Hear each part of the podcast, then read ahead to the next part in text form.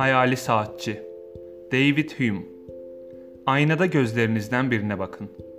Görüntüye odaklanan bir merceği, değişen ışığa uyum sağlayan bir irisi, onu koruyan göz kapakları ve kirpikleri vardır. Yan tarafa bakarsanız göz yuvarınız göz çukurunda dönüyormuş gibi görünür. Bu görüntü oldukça güzeldir aynı zamanda. Peki bütün bunlar nasıl gerçekleşir? Gözlerimiz birer mühendislik harikasıdır. Bir göz şans eseri böyle olmuş olabilir mi? Issız bir adada düşe kalka ilerleyip bir açıklığa çıktığınızı hayal edin. Bir sarayın yıkık duvarlarından, merdivenlerinden, yollarından ve avlularının arasından geçiyorsunuz. Tüm bu gördüklerinizin oraya öylece gelmediklerini biliyorsunuz. Biri bunları tasarlamış olmalı. Bir tür mimar. Yolda yürürken bir saat bulursanız, onu bir saatçinin yaptığı bir amacı olduğunu düşünürsünüz. Mesela saati söylemek. Saatin küçük çarkları kendi kendilerine bir araya gelmemiştir. Biri tüm bunları düşünmüş olmalı. Bütün bu örnekler aynı şeyi söyler. Tasarlanmış gibi görünen nesneler neredeyse kesinlikle tasarlanmıştır. Peki biraz da doğayı düşünün. Ağaçları, çiçekleri, memelileri, kuşları, böcekleri, sürüngenleri ve hatta amipleri. Onlar da tasarlanmış gibi görünür. Elbette canlı varlıkların mekanizması bir saatkinden çok daha karmaşıktır. Memeliler oldukça karmaşık sinir sistemlerine, kan dolaşımına sahiptir ve genellikle yaşadıkları yere kusursuz bir uyum sağlamışlardır. İnanılmaz derecede güçlü ve zeki bir yaratıcı tarafından yaratılmış olmalılardır. Bu yaratıcı, kutsal saatçi veya mimar tanrı olmalıdır.'' David Hume'un eserlerini kaleme aldığı 18. yüzyılda birçok kişi bu düşünceyi paylaşıyordu. Günümüzde de böyle düşünen pek çok kişi vardır. Tanrı'nın varlığını kanıtlamaya yönelik bu argüman sıklıkla tasarım argümanı olarak bilinir. 17. ve 18. yüzyılda yeni bilimsel buluşlar da bu düşünceyi destekler görünüyordu. Mikroskoplar küçük su canlılarının karmaşık yapısını aşağı seriyor, teleskoplar güneş sisteminin ve samanyolunun ne kadar güzel ve düzenli olduğunu gösteriyordu. Bunlar da büyük bir titizlikle bir araya getirilmiş görünüyordu. Bu argüman İskoç filozof David Hume'u ikna etmemişti. 1711-1776 Locke'un etkisiyle bilgiyi nasıl edindiğimizi ve akıl yoluyla öğrenebileceğimizin sınırlarını düşünerek insanlığın doğasını ve evrendeki yerimizi açıklamaya çalıştı. Locke gibi bilgimizin gözlemden ve deneyimden geldiğine inanıyordu. Bunun için dünyanın bazı niteliklerini gözlemleyerek Tanrı'nın varlığını kanıtlamaya çalışan argümanının üzerinde durdu. Hume tasarım argümanının yanlış mantığa dayandığını söylüyordu. İnsanın anlama yetisi üzerine bir soruşturma 1748 adlı eserinde Tanrı'nın varlığını bu şekilde ispatlayabileceğimiz fikrine karşı çıkan bir bölüm vardı. Bu bölüm ve mucizeler dair görgü şahitlerinin aktardıklarına inanmanın mantıklı olmadığı argümanı son derece tartışmalıydı. O zamanlar Britanya'da dini inançlara karşı açıkça konuşmak zordu. Tam da bu sebeple Hume kendi döneminin en büyük düşünürlerinden biri olmasına rağmen hiçbir zaman üniversitelerde bir iş sahibi olamadı. Tanrı'nın varlığına dair bildik argümanlara sert bir saldırıda bulunduğu doğal din üzerine diyalogları 1779 ölümüne kadar yayınlatmamasını söyleyen dostları ona doğru bir tavsiyede bulunmuştu. Tasarım argümanı Tanrı'nın varlığını kanıtlar mı? Hume kanıtlamadığını düşünüyordu. Bu argüman her şeyi bilen, her şeye gücü yeten ve mutlak iyi bir varlığın olması gerektiğine dair yeterli kanıt içermiyordu. Hume'un felsefesinin büyük bir kısmı inançlarımıza desteklemek için verebileceğimiz türden kanıtlara odaklanıyordu. Tasarım argümanı dünyanın tasarlanmış gibi görünmesine dayanır. Hume ise sırf tasarlanmış gibi görünüyor olması gerçekten tasarlanmış olmasını ya da tasarlayıcının tanrı olmasını gerektirmez diyordu. Peki Hume bu sonuca nasıl ulaştı? Bir bölümü bir perdenin arkasında gizli eski tarz bir terazi düşünün. İki kefesinden yalnızca birini görebiliyorsunuz.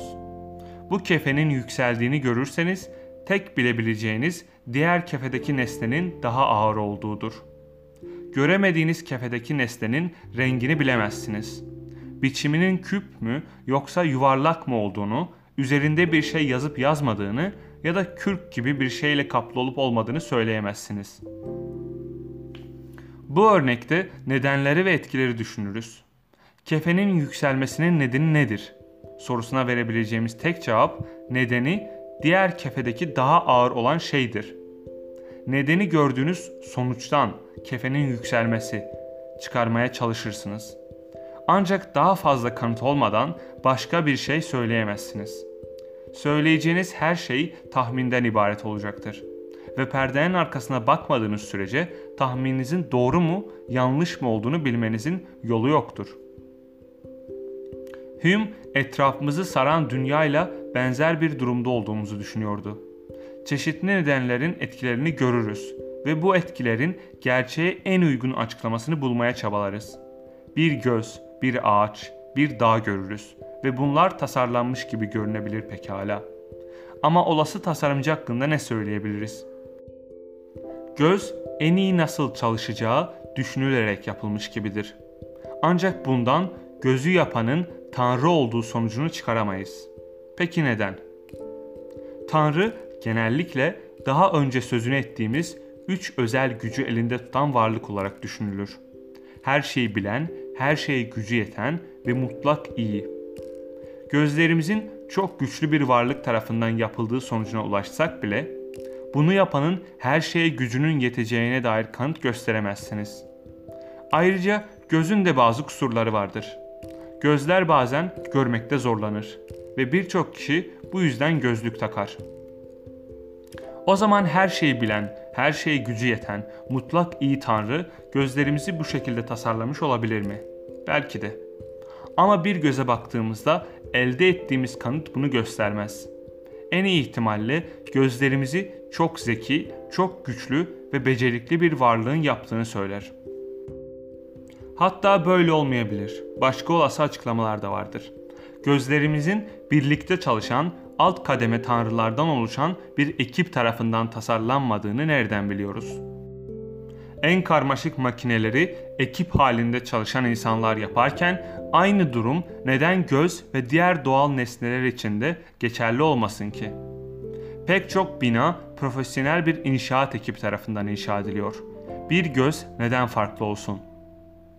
Belki de gözlerimizi şimdiye kadar çoktan ölmüş yaşlı bir tanrı yapmıştır.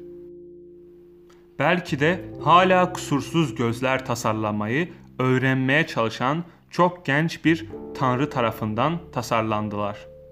Bu seçeneklerden birine karar vermek için kanıtımız olmadığından sadece göze bakarak belli ki tasarlanmış bir nesnedir. Onun geleneksel güçlere sahip tek bir yaşayan tanrı tarafından yapıldığından emin olamayız. Hume bu konuda sağlıklı düşünmeye başladığınız takdirde ulaşabileceğiniz sonuçların oldukça sınırlı olduğunu söyler. David Hume'un saldırdığı bir diğer argüman mucizelerden yola çıkan argümandır. Birçok din mucizelerin olduğunu iddia eder. Ölüler dirilir, insanlar suyun üzerinde yürür, ölümcül hastalıklardan kurtulur. Heykeller konuşur ya da ağlar. Liste böyle uzayıp gider. Peki sırf diğer insanlar bunu kabul ediyor diye biz de mucizelerin gerçekleştiğine inanmalı mıyız? Hume inanmanız gerekmediğini söyler. Bu konuya derin bir şüpheyle yaklaşırdı. Eğer biri size bir adamın mucizevi bir şekilde ölümcül bir hastalıktan kurtulduğunu söylerse bu ne anlama gelir? Hume'a göre bir şeyin mucize sayılabilmesi için bir doğa yasasına karşı gelmesi gerekirdi. Bir doğa yasası kimse öldükten sonra dirilemez. Heykeller asla konuşmaz ya da kimse su üzerinde yürüyemez gibi bir şeydir. Bu yasaların geçerli olduğuna dair bol miktarda kanıt vardır. Ama bir insan mucizeye tanık olmuşsa neden ona inanmamalıyız? Bir arkadaşınız koşarak odaya girseydi ve az önce suda yürüyen birini görmüş olduğunu söyleseydi ona ne derdiniz? David Hume'a göre ne olduğuna dair her zaman daha mantıklı bir açıklama vardır. Eğer arkadaşınız size suda yürüyen birini gördüğünü söylüyorsa sizi aldatıyor ya da yanılıyor olması gerçek bir mucizeye tanık olmuş olmasından daha büyük bir ihtimaldir. Bazı insanların ilgi merkezi olmayı sevdiklerini, bunun içinde yalan söyleyebileceklerini biliriz. Bu olası açıklamalardan biridir. Öte yandan herkes hata yapabilir. Çoğu zaman gördüklerimiz ve işittiklerimiz konusunda yanılırız. Gözümüzün önündeki açıklamadan kaçınıp olağanüstü bir şey gördüğümüze inanmak isteriz.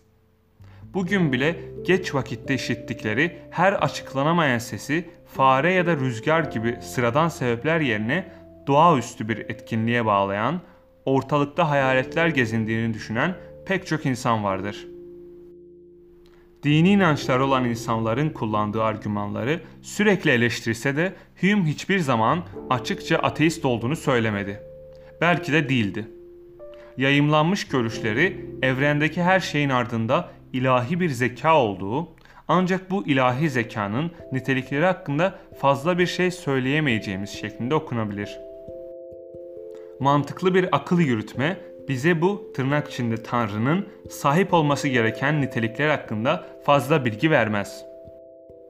Bazı filozoflar buna dayanarak Hume'un agnostik olduğunu düşünürler. Ancak o zamana kadar değilse bile büyük ihtimalle hayatının sonuna doğru tam bir ateist olmuştu. 1776 yazında arkadaşları onu Edinburgh'da ziyarete geldiklerinde Hume ölüm döşeğindeyken dine dönmeyeceğini açıkça belirtmişti. Tam tersine bir Hristiyan olan James Boswell ona ölümden sonra olacaklar konusunda endişeli olup olmadığını sorduğunda Hume ona öldükten sonra bir hayatı olmayacağından emin olduğunu söylemişti. Ona Epikuros'un verebileceği türden bir cevap verdi. Doğmadan önce var olmadığı zaman konusunda nasıl endişelenmiyorsa, ölümden sonra ne olacağı konusunda da endişelenmiyordu. David Hume'un pek çok parlak çağdaşı vardı ve o neredeyse hepsini kişisel olarak tanıyordu. Onlardan biri de siyaset felsefesi alanını önemli ölçüde etkileyen Jean-Jacques Rousseau'ydu.